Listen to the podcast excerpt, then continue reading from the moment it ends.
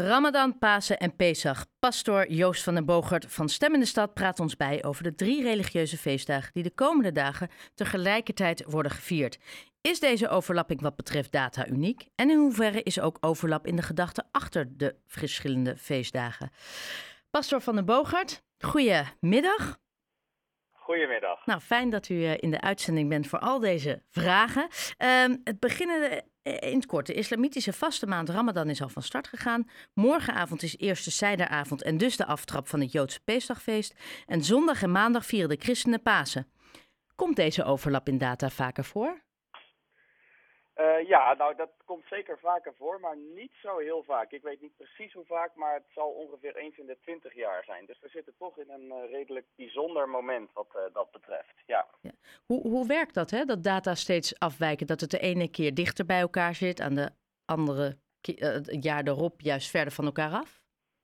Ja, dat heeft een beetje te maken met de maand- en jaartelling waarin de verschillende religies zich uh, afspelen. Dus uh, met Pasen is het zo dat het gevierd wordt op de zondag na de eerste nieuwe maan in de lente. Dus dat is best een ingewikkelde berekening, vandaar dat het ook elk jaar een beetje verschilt. En uh, nou ja, in, in, in het Joodse Pesachfeest heeft een eigen jaartelling waarop het op een vaste datum is. Maar ja, omdat die jaartelling verschillend is van de onze, verandert dat steeds. En dat geldt eigenlijk ook uh, voor de vaste maand uh, Ramadan. die is namelijk wel in een vaste maand, maar dan wel weer in de islamitische jaarkalender. Dus dat, dat verschuift eigenlijk steeds. Oké. Okay, en, ja. en, Pesach is wel altijd in de lente trouwens, maar de Ramadan schuift een beetje door het jaar heen. Ja, en, en met Ramadan, ik, ik weet nog een aantal jaar geleden was het midden op de zomer, want ze mogen pas onder gaan eten als de zon onder is. Dus die hebben het nu net iets ja. gemakkelijker dan zeg drie jaar geleden. Ja, dat klopt. En dat gaat dus de komende jaren nog steeds net iets makkelijker worden. En dan over een aantal jaar wordt het wel weer wat uh, heftiger, inderdaad. Ja. Ja. Ja. Kunt u in het kort de verschillende feestdagen toelichten? Dus uh, Ramadan, Pesach en Pasen? Ja, dus uh, ik zal beginnen met Pesach. Um, dus altijd in het voorjaar. Het is al ontstaan heel erg lang geleden. En het gaat eigenlijk over het ontstaansverhaal van het Joodse volk. Um, de naam Mozes hoort daarbij. Het Joodse volk was in de slavernij onder de farao in Egypte. En op een gegeven moment worden ze bevrijd door God. En dat verhaal van bevrijding van onrecht en van bevrijding uit slavernij, um, dat wordt elk jaar opnieuw verteld. En eigenlijk is dat de basis van het verhaal van Pesach. En dat wordt dan van de ouders op de kinderen doorverteld. Nou horen natuurlijk allerlei rituelen bij, feesten, gezelligheid en dus die verhalen. Uh, de cidermaaltijd hoort daarbij. Um, nou ja, dat is, uh, en iedereen viert dat natuurlijk een beetje verschillend. Um, en het mooie is eigenlijk dat Pasen is eigenlijk gebaseerd op Pesach. Dus Pasen is het christelijke hoogtepunt van het jaar. Uh, het paasverhaal, de Passion, vanavond op televisie natuurlijk, is voor de meeste luisteraars denk ik wel bekend. Het gaat over Jezus die ondanks al zijn goede daden toch vermoord wordt aan een kruis een martelwerktuig. Uh, daarin werken de leiders van het Joodse volk en de Romeinse overheid uh, vrij gemeen samen. En het bijzondere is dus dat dat verhaal van Pasen zich afspeelt rond die viering van het Joodse feest Pesach. Mensen weten dat niet uh, heel goed, maar Je Jezus was een Jood.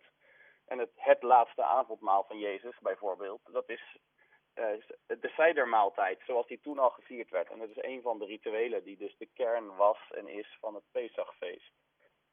Nou, en dan de Ramadan is ontstaan uh, nou ja, in de zevende eeuw, zeg maar. Dus uh, toen de profeet Mohammed leef en hij schreef uh, de Koran, geïnspireerd door God of Allah. En um, daarin wordt voorgeschreven dat de, de, de moslims één maand in het jaar vasten, de Ramadan. En dat is in de negende maand van de islamitische kalender.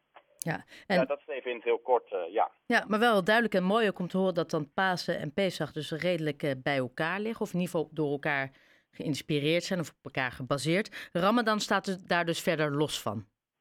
Nou, niet helemaal. Want uh, wat het mooie is, is dat in de ontwikkeling van Pasen, dus in de eerste eeuwen eigenlijk van het christendom, is eigenlijk de vaste maand die dus voor Pasen eraan gekoekt is, die is er eigenlijk bijgekomen. En dat is dus een, een, een, een maand, of eigenlijk 40 dagen vasten. En um, nou ja, je zou kunnen zeggen dat de, de, de mensen in, in het Arabische gebied die uh, met elkaar de rituelen van de islam hebben vormgegeven, zich daar wel degelijk door hebben laten inspireren. En het staat ook wel in, in de Koran zo, dat, dat, het niet, dat het niet slechts iets van de moslims is om te vasten, maar dat dat eigenlijk al gebeurde voordat de islam nou, tot, tot stand kwam.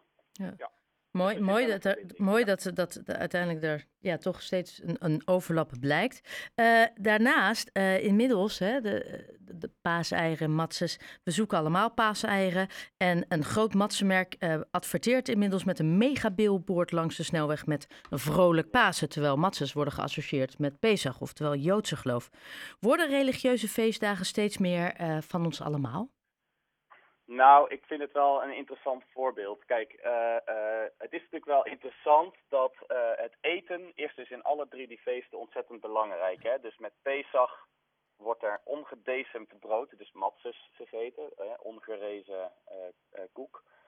Um, bij Pasen heb je dus die vaste tijd die eraan vooraf gaat. En met de Ramadan is natuurlijk eten helemaal een hot item. Um, dus ja, het, het is wel interessant dat zo'n merk dat natuurlijk uh, aangrijpt om uh, nou, daar iets mee te willen verkopen. Maar ik vind het uh, lastig.